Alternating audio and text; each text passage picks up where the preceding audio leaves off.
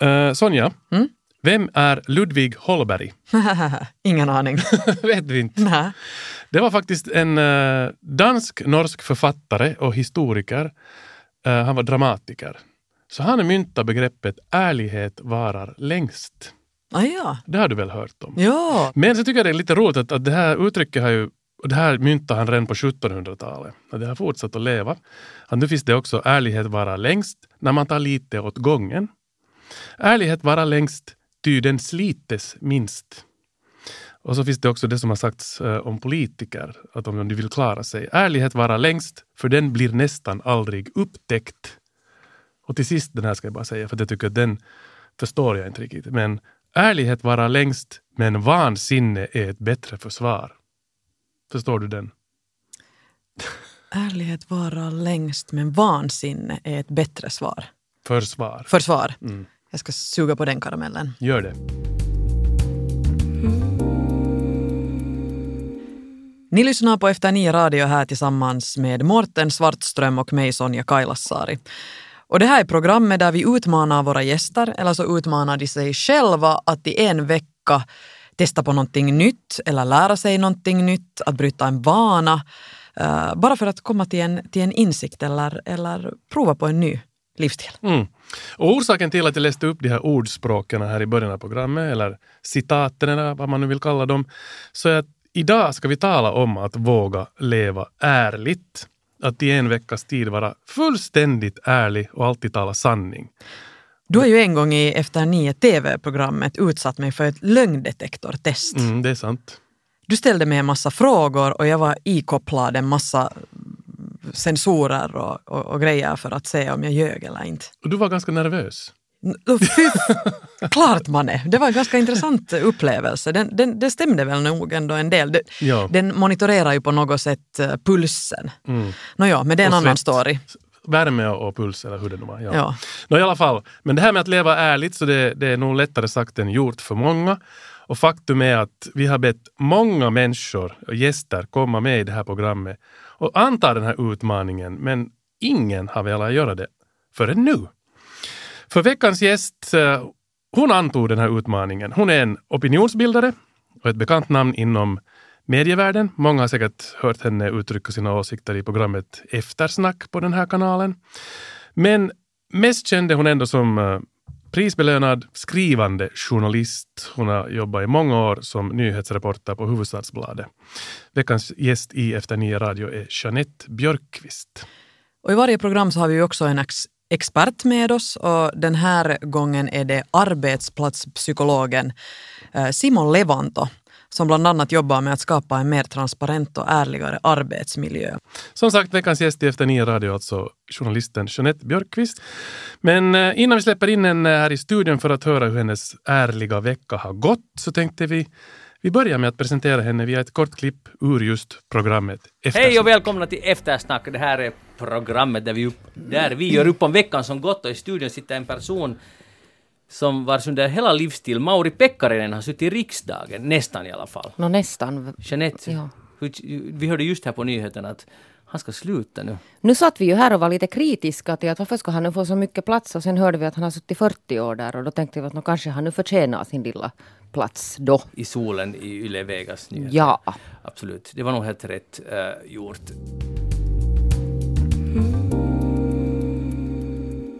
Hjärtligt välkommen Jeanette Björkqvist. Tack. Ja, där hörde vi lite eh, kort klipp från, från Eftersnack. Eh, Och eh, eftersom ni nu talar om Mauri Pekkarinen i just det här biten som vi hörde om att han har suttit i riksdagen i 40 år. Men Eftersnack har ju också hållit på, Men inte i Ja. 40 år. nå inte i 40 men i herrans många år. Jag tror att det är 12. 12? Kanske. Okej, det är inte mer än det. Eller 13. Det känns som en Då kan jag evighet. ärligt säga att jag är inte riktigt säker. Just det. Vi hade tioårsjubileum för några år sedan men, men jag har ju minne som en höna så jag kommer nu inte riktigt ihåg. Alltså jag måste där genast ta över det här programmet och fråga att varför hade ni svårigheter att få, med vilka orsaker alltså ville människor inte vara med i det här? Nå, alltså det finns eh, folk som just inte har velat ta- anta den här utmaningen för att uh, no, orsaker har varit bland annat att de inte vill bränna broar. De vill inte såra någon och, och så vidare. Alltså helt sådana mänskliga orsaker till varför man inte vill anta utmaningen att vara ärlig. För att det är helt enkelt tydligen för svårt. Men du antog utmaningen jag- utan något problem. Det kan hända att jag har levt i en lögn nu i en vecka egentligen. Vi får se vad psykologen säger om det här sen. Men före vi går närmare in på hur det har gått så, så är det inte ändå så att det här med att vara ärlig så tangerar liksom lite ditt jobb ändå på något sätt. Som nyhetsjournalist, som grävande journalist som, som vet du, försöker hitta sanningen på något sätt. Har det liksom... Ja, sanningen eller, eller eh, den här eh, liksom just i grävjobbet, den här världen som människor kanske inte känner till. Mm. Så många kanske faktiskt lever i en lögn om att, att det här är ett välfungerande samhälle till exempel. Och det är det ju inte sen när man börjar gräva under ytan. Men hur kommer det sig att du överhuvudtaget började intressera dig för, för sådana här reportage och den här grävande journalistiken? Ja, det vet jag inte. Alltså jag, sa att, eh, jag har någon gång i någon intervju sagt att det beror säkert på min mommo. Alltså som var en sån här jordbrukarhustru som, som hade levt i stort sett, levde alltså hela sitt liv på Borgå landsbygd. Och hon talade alltid om den här på något sätt. Liksom. Hon hade ett etiskt patos utan att kunna alltså formulera det på något akademiskt sätt. Så jag tror att det kom alltså på något sätt därifrån, hemifrån. Men eh, om vi nu då går till din utmaning. Ja, Du, nej, du frågar ju just att, att hur kommer det sig att ingen, ingen ville eh, anta den här utmaningen. Men du gjorde det som sagt. Eh, hur kommer det sig då att du vågar anta den här men jag utmaningen? tyckte inte att det lät så hemskt svårt. Sådär. Det lät alltså inte så svårt. Mm. Eh, Och det kan säkert, alltså en orsak kan vara att jag inte just nu jobbar alltså i en redaktion, tänkte jag. Jag försökte reflektera alltså lite om det här, för nu har jag haft, alltså, det råkar vara en sån vecka när jag har haft alltså helt frilansuppdrag. Eh, I stort sett alltså, så att jag har inte behövt alltså konfrontera till exempel varje dag en, en chef. Eh, och sen ska det ju tilläggas att det där, eh, jag tror att, att när jag blev uppringd om det här så var det någon som sa att ja, att de här cheferna, att, att det kan ju bli lite krångligt att vara rak mot dem. Och- det kan jag väl nog säga så där ganska ärligt i alla fall, att jag har nog aldrig haft problem med att vara ärlig mot cheferna. På gott och ont alltså. Just det. Men hur är det så där i största allmänhet när det kommer till att vara ärlig? Är du, är du i allmänhet en ärlig person? No, alltså det, där, det där ärlig, ja, alltså rakt på sak. Att jag brukar nog inte liksom dra till med något hemskt mycket krusiduller. Det är klart att man sen lindar in alltså vissa saker i någon lite mjukare paket. Och det är klart att det finns alltså vita lögner. Och de har jag ju då försökt det där leva utan. Ni vet sådär att man är bjuden någonstans och sen, sen så bara orkar man inte. Men så hittar man på någon dålig orsak. Och nu har jag svarat några gånger alltså den här veckan att, att det helt enkelt handlar om att jag inte orkar. Och hur har folk reagerat i det här svaret? det är helt alltså sakligt. Inte tror jag egentligen att det är något problem. Alltså jag, jag, jag upplever inte att jag skulle ha alltså haft något problem med att vara ärlig. Men det är intressant för att man undviker ju nog att säga det där att jag, jag kan nog inte komma för att jag inte orkar. För det, det, det känns ju jätte Ignorant. ignorant, Ja. arrogant och elakt nästan. Liksom Ja. sådär att nej, men, ta nu dig lite i nacken. Ja, men sen tycker jag nog själv att om någon skulle svara så åt mig så då kan jag förstå att då handlar det antagligen om att den här människan till exempel är jättetrött av, av goda orsaker. Och då kan jag ju förstå alltså på ett mänskligt plan också att, att ibland bara orkar man inte. Kanske Och det jag har vänner alltså som säger också att de säger att jag orkar inte. Och jag förstår dem. Jag blir inte alltså på något sätt kränkt. mm, kanske Om det inte dagen, handlar om min födelsedag förstås. det är alltid en lite speciell dag. Men det kan ju hända att det är mer vedertagligt i dagens läge när folk är mer stressade än någonsin. Och man uppskattar ju ärlighet i sådana svar. Men jag gjorde ju alltså upp en sån här som kan hända nu att det var en lite sån här feg strategi för jag har ju funderat då jättemycket på att vad är det här med ärlighet? Eh, att jag kan ju vara ärlig alltså i situationer där jag på något sätt behöver konfrontera någonting eller någon frågar någonting. Vet ni, eller att det liksom initiativet kommer av någon annan. Men sen är det ju frågan då om att, att, att om man då drar det här alltså fullt ut och är ärlig så borde det betyda också att man till exempel själv initierar om man är kritisk mot någonting eller ifrågasätter någonting, att man själv alltså tar det här, det här initiativet. Och sådana situationer har jag ju försökt undvika då genom att inte initiera sådana svåra diskussioner denna vecka. Men Och det är kanske lite oärligt. Mm, ja just det, det, ja, det, där, det kan ju hända när man säger det på den saken. Eller på det sättet. Men, men bara nu för att klargöra så blev det alltså, det blev bara just den här ena veckan som, som du, den här, Ja, som jag tänkte på saken. eller som, nej jag menar som du överhuvudtaget, du var ärlig. Och sen, den är slut nu är det så. Ja, Så nu får du säga så nu igen. kan jag sitta här och ljuga hur mycket Ja. som helst. och, för, och, före det, och så vidare. Men inför då du bestämde dig för att när du skulle börja. Så vad, vad, vad tänkte du att kommer att vara det svåraste? Jag gjorde det där uppe en sån här, sån här, jag visste ganska bra alltså hur den här veckan kommer att se ut, så jag gjorde upp en sån här liksom lista över farhågor. Och, och där fanns till exempel ett par jobbmöten där jag tänkte att, att det här kommer att bli jättekrångligt för att det kommer att vara upp, eh, det är liksom diskussioner om uppdrag som jag själv upplever att jag inte har kompetens till. Och det var jag lite stressad över att vad ska hända alltså på det här mötet när, jag, när de alltså vill ha mig att göra ett uppdrag som jag upplever att jag inte kan. Eh, Men vill göra, eller? Och inte ens är riktigt säker på att vilja göra det. Uh, och så gick jag på det här mötet och så visade det sig lyckligtvis alltså att, det där, att, att jag hade helt fel. Jag förstod precis alltså min kompetens räckte nog. Mm. Jag tyckte själv att de skulle ha haft bättre kompetens in-house så att säga. Men, men så visade det sig att de ville ha alltså sånt som, som jag. Och det var ju jättetur för mig för att annars vet jag inte riktigt hur jag skulle ha det där uh, konfrontera den här situationen. Mm. Blev det alls en konstig situation i någon, i någon stund? Nej, alltså den där största utmaningen blev ju faktiskt inte sen alls uh, i jobblivet. Jag hade där torpat ett par eller några arbetsuppdrag helt uppriktigt för att jag inte har tid att ta emot dem. Eh, jag behövde inte säga att jag inte vill, för det finns också sådana uppdrag som jag inte vill ta emot men så brukar jag säga att, att jag inte har tid. Just den här veckan kom inga sådana. Men den här större utmaningen var kanske nog sen alltså där hemma för att, för att där kan det ju sen bli lite att hur, hur ärlig och rätt fram ska man nu sen vara där sådär på hemmaplan. Precis, mm. hur förhöll sig din man till det här uppdraget? Men jag har inte berättat någonting åt honom så han vet inte alltså om ah. att, att jag har haft en sån här ärlig vecka. Och det verkar nog inte som att han skulle ha märkt var du rädd att han ska utnyttja det och liksom Ja, helt säkert. Ja, för jag berättade alltså åt en kompis som jag träffade faktiskt första dagen. Så sa att, ja, att nu har jag, åt henne sa jag att, att nu har jag en sån här och sen började hon fråga en massa här kvistiga frågor och fnittra. Sådana där. De, ja, så man borde inte berätta egentligen. Nej, så tänkte jag att det är nog bäst att jag inte berättar något någon alls. Mm. I vanliga fall så, så brukar vi ju, uh, våra gäster också föra lite så här dagboksklipp, ljudklipp under den här veckan. Men du valde att inte göra det utan däremot... det gjorde jag verkligen inte. Jag blev jättestressad alltså över det här för att, för att det sades att man borde göra sådana här selfie videon. videon och sen ja. det där gick jag några gånger omkring och försökte och insåg att jag ser ju helt alltså döber ut i den här, alltså vet ni den här kamerans selfie-mode. Mm. Mm.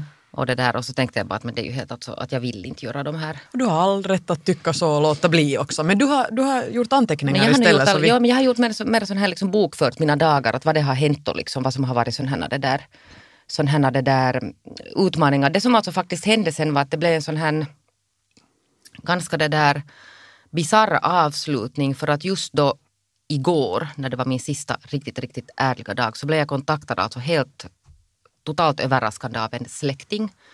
Vi är ingen sån här släktkär, alltså släkt så att vi har så där ganska dålig kontakt och det här är en, en, en släkting som jag knappt har någon kontakt med, alltså alls mycket sporadiskt, alltså ibland på, på Facebook. Och så visade det sig att hon det där var jätteupprörd över att det hade undanhållits information som hon ansåg sig ha rätt att få och hon borde ha fått alltså den här och det där, och I vanliga fall så skulle jag ju ha gått uh, lite med i den här. Jag försöker alltid när människor går igång med känslor så, så lite på något sätt kompa dem och liksom lite så här mjukt föra dem framåt och sen lugna ner dem.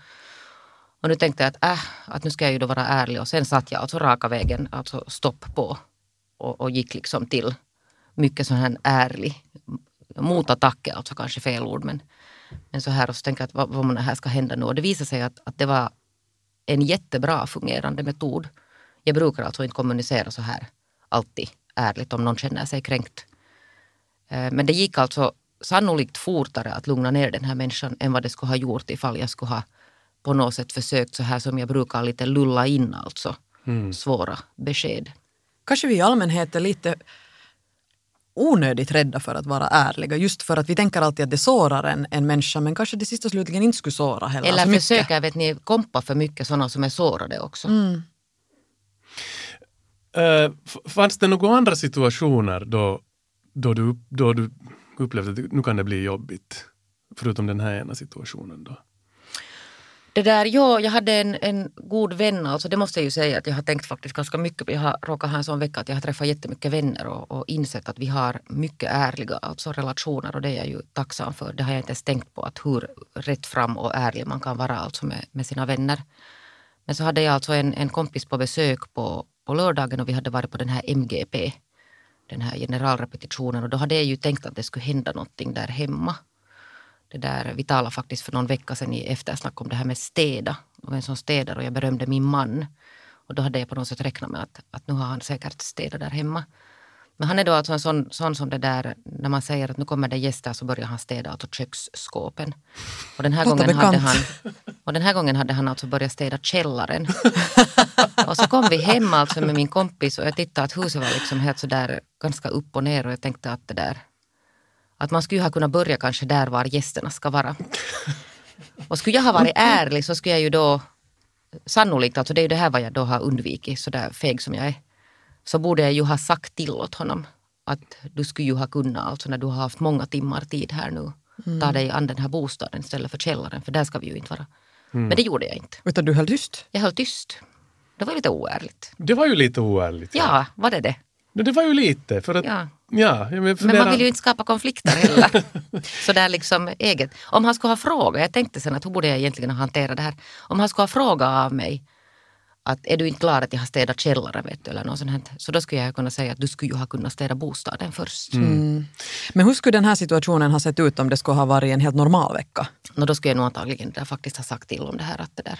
Jag har nog, vi har nog någon bråk om det här men det, det, blir, ju- det är lite känsliga saker det här med att städa. Mm. Det är ju lite också beroende på hur man, hur, hur, när man tänker på den här veckan, att man ska vara ärlig, eller överhuvudtaget vara ärlig. Att, vad, vad, går den här, vad är reglerna för att vara Ja. ärlig? Att, är det ärligt att vara tyst eller borde Ja, man... det är just det Siddu som jag Ja. tänkte att den här psykologen har säkert svar på. Det Ja. tror jag nämligen till exempel att det är ganska vanligt på arbetsplatser. Vet ni, att istället för att det där går då att säga till vad man tycker om saken så går man omkring och så har man så här knutna nävar och går omkring och blir liksom argare och argare. Mm. Och särskilt alltså nu en sån här vecka när man inte får alltså alls vara oärlig.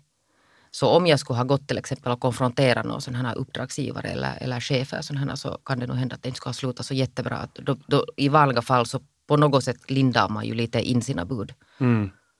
Jo, eller som du säger, just på arbetsplatser ofta så är det ju så att folk inte säger någonting på det här gemensamma mötet, utan sen säger man åt sin bästa kollega i kafferummet istället. Ja, men jag hade det där, jag hade ganska ofta sådana situationer att jag sa på mötena. Och det där och alla andra satt tysta. Och det är ju inte heller ovanligt det här att no, någon eller några säger på möte. Alla andra sitter tysta och sen när mötet är över så kommer man liksom smygande in på kollegans rum och är sådär, vad bra att du tog upp det här. Jättebra. Och så att man liksom kraften skulle finnas i det att alla på något sätt som tycker och tänker likadant, att om alla på det här mötet sitter och tänker att nu är vi lite kritiska till exempel till ledningen, så borde ju alla göra det alltså ärligt tillsammans och inte utsätta alltså så att det är en eller, eller några som alltid ska föra det här kritiska Mm. budet framåt. Men Vi kan ju se vad vår nästa gäst tycker om det, att du, du höll tyst. Vi gör det och eh, ni lyssnar på Efter Ni Radio här tillsammans med Morten Svartström och mig Sonja Kailasari. Och vi sitter här med journalisten Jeanette Björkqvist som har antagit utmaningen att försöka leva ärligt i en vecka. Och nu är det dags att eh, välkomna in vår expert, arbetsplatspsykologen Simon Levanto. Simon Levanto, hjärtligt välkommen. Ja, hej. Du har suttit här och lyssnat på Jeanette och veckan som gått. Eh, Vad är dina tankar om hennes utmaning? Eh, jag tror det var, det var en viktig fråga var just det här med att, att är man orolig för att, att såra den där ärligheten och, och, och då kommer man lite in, in, in just på det att betyder ärlighet alltid det att man ska säga, säga det man tycker eller, eller liksom betyder det, det att då när man säger så säger man som man tycker? Att, att kan man vara ärlig och artig samtidigt eller, eller ärlig och, och, och respektfull samtidigt? Och, och, och det har du det, har, det sa du att du har lite, lite liksom stött på att just att att så var det vissa som, som reagerar mycket sakligt till den där ärligheten. Att, att man liksom kommer, kommer in på saken genast. Förstås med vänner om, om det liksom känns tryggt, renfärdigt, så då uppskattar man, uppskattar man den där ärligheten. Och kanske med det här, liksom, med det här upphetsade släktingen, så om man är sådär, om man är sådär jätteupphetsad så inte vill man ju kanske bli kompad, inte vill man bli lugnad ner. Man vill att någon annan förstår att man är upphetsad. Och då, då om man liksom ärligt lyssnar på dem, det, där, det här låter så här eller, eller det här hör jag. Så, så det kan ju fungera jättebra, då kommer man på samma nivå. Och, och, och- och det löser, löser upp den här situationen. Situationen där. På sätt och vis. Men jag, jag förstår väl, väl den där utmaningen där att, att om man om man går runt en vecka och säger precis vad man tycker om alla som man möter så då, då kan det bli ett problem. Ja, man initierar liksom själv den här ärligheten. Jo, men att, att, att måste ärligheten alltid vara konfronterande? Vi, vi kanske knippar ihop det ofta, men, men det behöver ju inte vara det. Mm. Jag började tänka på Jim Carrey i den här filmen Liar Liar där han mera just konfronterar den och liksom, det blir ju ingenting när han ska, han ska vara ärlig. Men, eh, men också tala sanning handlar det ju om, om där i ett, i ett litet annat uh, sammanhang. Men i alla fall, uh, när du jobbar som arbetsplatspsykolog så hur ser du på ärlighet och, eller hurdana frågor kommer upp eh, i olika arbetssammanhang när det kommer till ärlighet? Mm, e-, en som kommer ofta upp är just det här att man har ett möte och frågar att, berätta nu att, att om det är någonting som vi kan som vi kan förbättra på eller någonting som vi sitter och tänker på så det är ingen som, ingen som säger, säger någonting och, och, och man vill inte liksom ärligt ta itu med de problemen som där finns. Kanske är man rädd för att, för att hetsa upp någonting eller, eller så är man orolig för att såra någon eller sen vill man inte bara ha det där besväret av att om man nu ärligt tar upp ett problem på arbetsplatsen så då hamnar man ju och jobbar med det. Inte bara det utan det, det är ju också lätt hänt alltså beroende på hurdan ledning man har att man blir stämplad som väldigt besvärlig. Om man är ärlig och till exempel utmanar uh, hur mm. någonting sköts. Mm. Eller knep, knepigare situationer blir det då när man har en ledning som sådär nog bryr sig men kanske lite klumpigt tar itu med dem. Att, att om man tar ärligt upp någonting så då blir det en stor hallå av att, av att börja röja upp det och, och, och då liksom eh, kan det, kan det blanda på hela, hela arbetsgemenskapen där. Att, att det, den är inte så direkt den där situationen att man blir utsatt för att, för att, för att ta upp, upp någonting ärligt men att det leder till en massa mer jobb. Jag kan ju säga det där med, med viss erfarenhet, eller ganska många års erfarenhet från olika arbetsplatser att det där alla chefer uppskattar ju inte heller att man är ärlig, att det är ju lite beroende på att hurdan chef man har. Mm. Att det kan bli riktigt stora problem om man säger som man tycker. Mm. Ja, eller de kan säga att de uppskattar att man är ärlig och sen när man är så, så reagerar de på ett sätt som de kanske inte själv heller förväntar sig.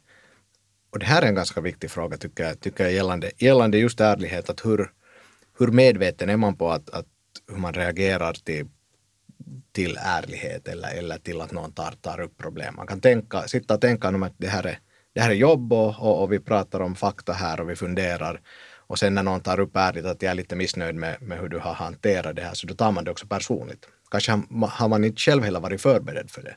Att vi är ju inte hela tiden medvetna om just varför vi gör allt det vi gör. Är det lättare för en arbetstagare att vara ärlig än för, eller för en chef att vara ärlig?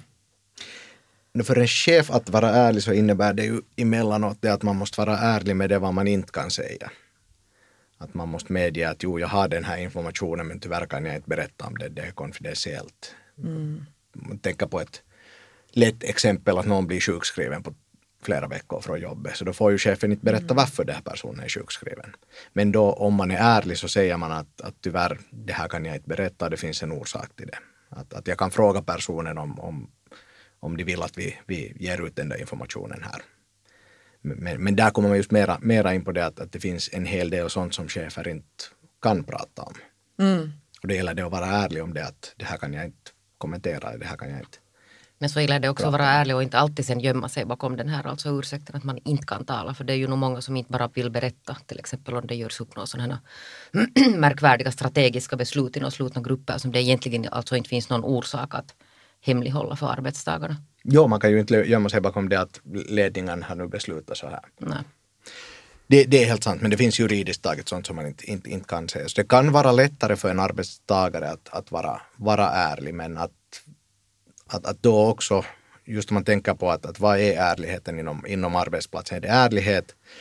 Det att man talar sanning? Är det, är det integritet? Det att man har vissa värden som att, att skapa bra samarbete och, och, ge ut all den information som behövs.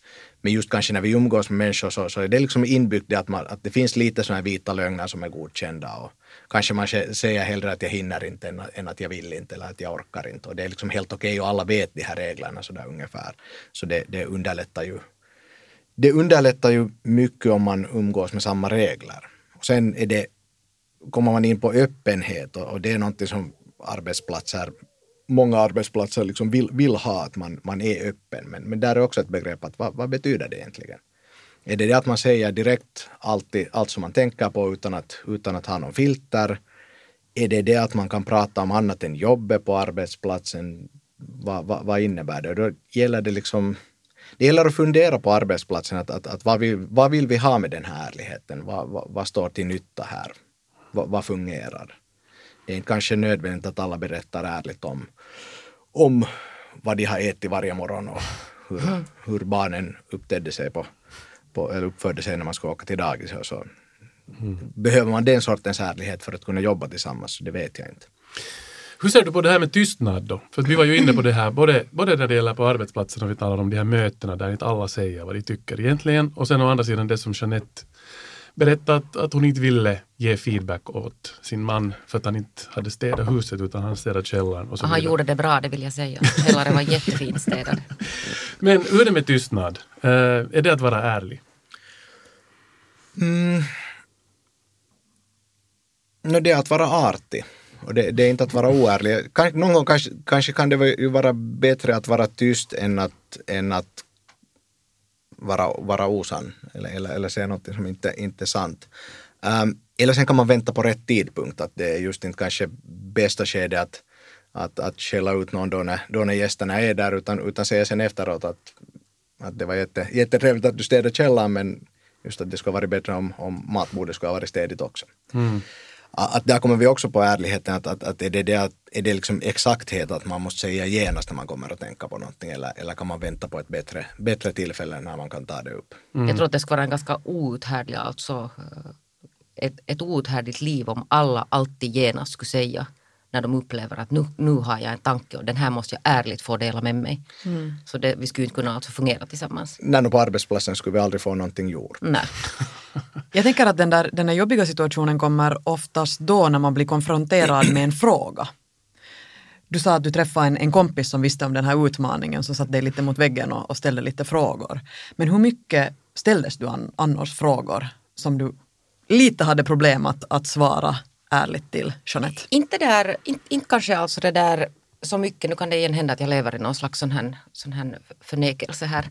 Men det där, jag kan inte påminna mig alltså. Och sen sa jag ju alltså efter det här så sa jag ju inte här åt någon för jag vet exakt vad som skulle ha hänt. Alla skulle ha börjat alltså ställa en sån här massa och hehehe, nu ska vi då börja förhöra henne. Ja. Men, Men, det där, men, jag brukar ju nog dela med mig av mina åsikter alltså ändå sådär till vardags. Att det är inte liksom sådär att, att jag nu sitter och håller hemskt mycket inom mig själv.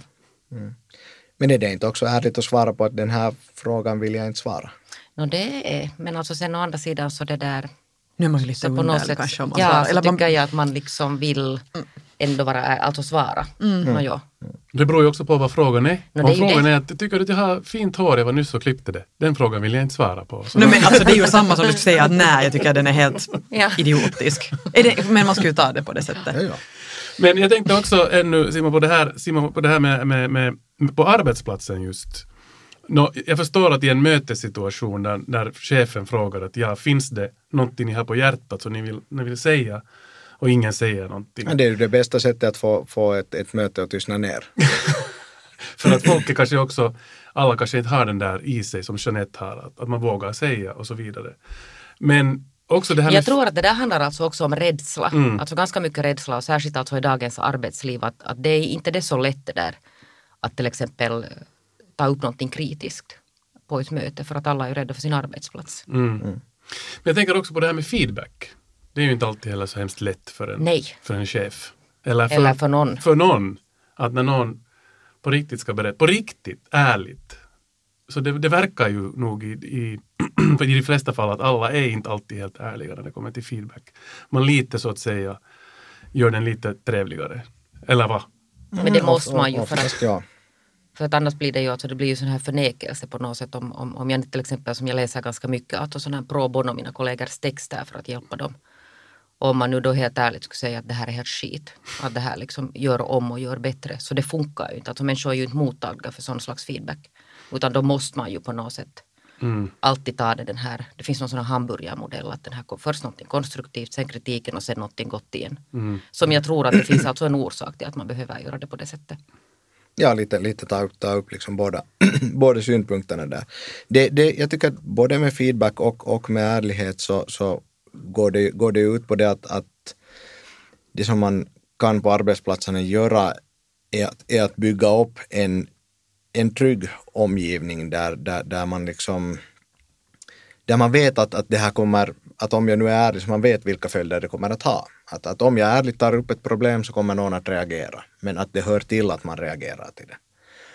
Uh, och det att, att då, då, när man känner sig trygg så då fungerar det. Då fungerar feedbacken också och då fungerar det också med att, med att lite sådär förmjuka och, och ha lite de här vita lögnerna och det, det andra med. När man vet, vet vilka regler vi har där på arbetsplatsen. Men alltid vet man ju inte och alltid är det inte, eller oftast så skapas ju inte arbetsplatsens regler och den här kulturen på det sättet att man bestämmer att så här gör vi. Utan vi skapar kulturen så att vi jobbar ihop en, en, en, en liten tid och sen liksom ungefär märker vi vad som, vad som fungerar eller vad som tycks fungera. Och så ifrågasätter vi det inte. Och, och just om man har fast den kulturen att vi aldrig pratar om problem så då hör det inte dit. Då, då liksom känns det inte tryggt. Det, det hör inte in, in, in i det som, som, vi, som vi uppskattar att, att, att vi jobbar med här. Och, och därför gäller det liksom mycket medvetet att, att skapa en sån kultur där, där man hanterar problem. Mm. Och gärna så att man hanterar först, först små problem och lyckas att vara ärlig med dem så då känns det tryggare med stora problem också. Om man tar upp problem bara när de är enormt stora och svåra så då, då blir det ju jättejobbigt. Men om man är van vid det att det, det händer allt möjligt och då hanterar vi det, så då mm. fungerar det. Borde man ha oftare sådana här minimala utvecklingssamtal istället på en arbetsplats? No, jag tycker att det är ganska oroväckande om man bara sätter sig ner med sin chef och pratar om jobbet en gång om året. Då, då har man nog gjort någonting fel. Men så är det ju vanligtvis. Ja, ja men ja. Att, att, att det, det, det, borde ju vara liksom, det borde vara naturligt att man pratar om det. Vad, vad är på gång? Vad, vad, vad händer? Är det någonting som, någonting som inte fungerar? Ett problem som jag ofta stöter på är det att att det där man har fast på arbetsplatsen, man har tagit upp problem. Man säger att vi hinner inte göra med den här tidtabellen eller, eller vi får inte allt gjort. Och så händer ingenting. Och ofta är problemet det att, att vi säger att vi klarar inte av det här och så kämpar vi lite på och så klarar vi av det. Och, och då är det mycket lättare att tro på det, att, att tro på det att, att, men det här blev ju gjort. Vi klarar ju av det. Och inte, inte får man ju nästa gång se mera tid till det. Inte, inte flyttar vi på deadlinen framåt för att förra gången sa det att det inte lyckas. Inte kommer vi ens ihåg det oftast. Att, att vi tror på det som händer och vi tror på det vi ser. Och därför kommer vi ännu in på det att, att är det ärligheten i det man säger eller ärligheten i det man gör som är viktigare. Mm. Nå Jeanette, efter den här veckan nu som du var ärlig då i sju dagar, uh, har du kommit till någon slutsats? till någon insikt och, och hur kommer du att uh, leva vidare? Efter jag ska bli kanske lite ärligare i den här min, min kommunikation faktiskt, lite rakare än vad jag har tenderat vara. Det ska jag göra. Alltså, och det här gäller privatlivet, alltså där i mitt arbetsliv har jag ju då som sagt alltid varit lite sådär ganska väldigt rak. Mm. Eh, och det är som sagt inte alltid på det där gott. Men du har alltså då tydligen äh, också med det här specifika fallet med din släkting, så du har kanske upptäckt att det kanske ibland lite fungerar bra också det här med att i det privata också vara kanske lite ärligare då? Jo, det tror jag faktiskt. Mm. Och det gäller säkert arbetslivet också för de som inte, alltså de, alla de som inte vågar anta den här utmaningen så tror jag nog att man alltså i längden, jag läste någonstans när jag försökte lite kolla att vad är det här nu egentligen med ärlighet. Jag försökte utreda att ljuger jag nu hela veckan om jag inte liksom konfronterar människor kring alla möjliga saker som jag vill ha sagt. Men att det lär alltså påverka det här egna äh, mentala hälsotillståndet på ett gott sätt också. Mm. Att man är ärlig. Och vill man nu inte gå och spotta ur sig liksom ärligheter varannan minut så åtminstone samlade alltså till sådana här situationer där om man är verkligen missnöjd med någonting så att ärligt alltså ta upp det och tala om det. Mm. Tror jag att gäller särskilt alltså på arbetsplatser istället för att gå omkring och bli sur och bitter och missnöjd och till slut kanske till och med sjukskriven. Mm. det. Till stort sett hemma, hemma gäller, det, gäller det också. Um, det var någonting som jag, någonting som jag satt, satt och tänkte på i det där du sa. Ja, att, att, att om man är ärlig, om man vill vara ärlig så då ifall man vill att det fungerar så måste man ju vara beredd att ta det ansvaret. Att, att om jag nu säger någonting ärligt, det kan vara att det fungerar bra, det kan vara att du blir lite sårad, då måste jag vara beredd att ta ansvar över det att, att, att du blev sårad av det jag sa och beredd att hantera det. Det liksom känns tryggt, den där ärligheten. Mm. Jag tänkte lämna er med en tanke här ännu. Vi behöver inte kommentera den eller så vidare, men jag tänkte bara säga att eh, inte för så inte länge sedan så läste jag om eh, en eh, forskning, och jättemycket omfattande forskning som visar att uh, ungefär 40 procent uh, av allt det som ungdomar, tonåringar säger är lögn. Men det kanske hör till åldern och hör till, det finns andra orsaker till att de ljuger så mycket. Men ja, det tänkte jag bara säga. Du lämnar en sån här grej nu här öppen. Så det vet ni, ni som har tonåringar där hemma. Så när de kommer hem så kom ihåg att ungefär 50 procent av det de säger är, lögn. I alla fall. Eh, ni har lyssnat på Efter nio radio här tillsammans med Sonja Kailasari och med mig Mårten Svartström och vi har gästats av journalisten Jeanette Björkqvist som alltså antog den här utmaningen att leva ärligt i en vecka och vi har också talat med arbetsplatspsykologen Simon Levanto. Med allt det som ni fick höra så kan ni nu fundera ut det där själva, kära lyssnare, om ni vill prova på att leva lite är, ärligare från Mm. med nu. Mm, varför inte? Tack Jeanette, tack Simo. Eh, jag tänkte avsluta med ett, eh, en, Ett en, citat. ett jag tänkte avsluta med ett citat av Richard Nixon i samband med Watergate-skandalen. Då sa han att jag ljög inte, jag sa bara sånt som senare visade sig vara osant. Med dessa ord, vi är tillbaka om en vecka igen. Tack för det här. Ja.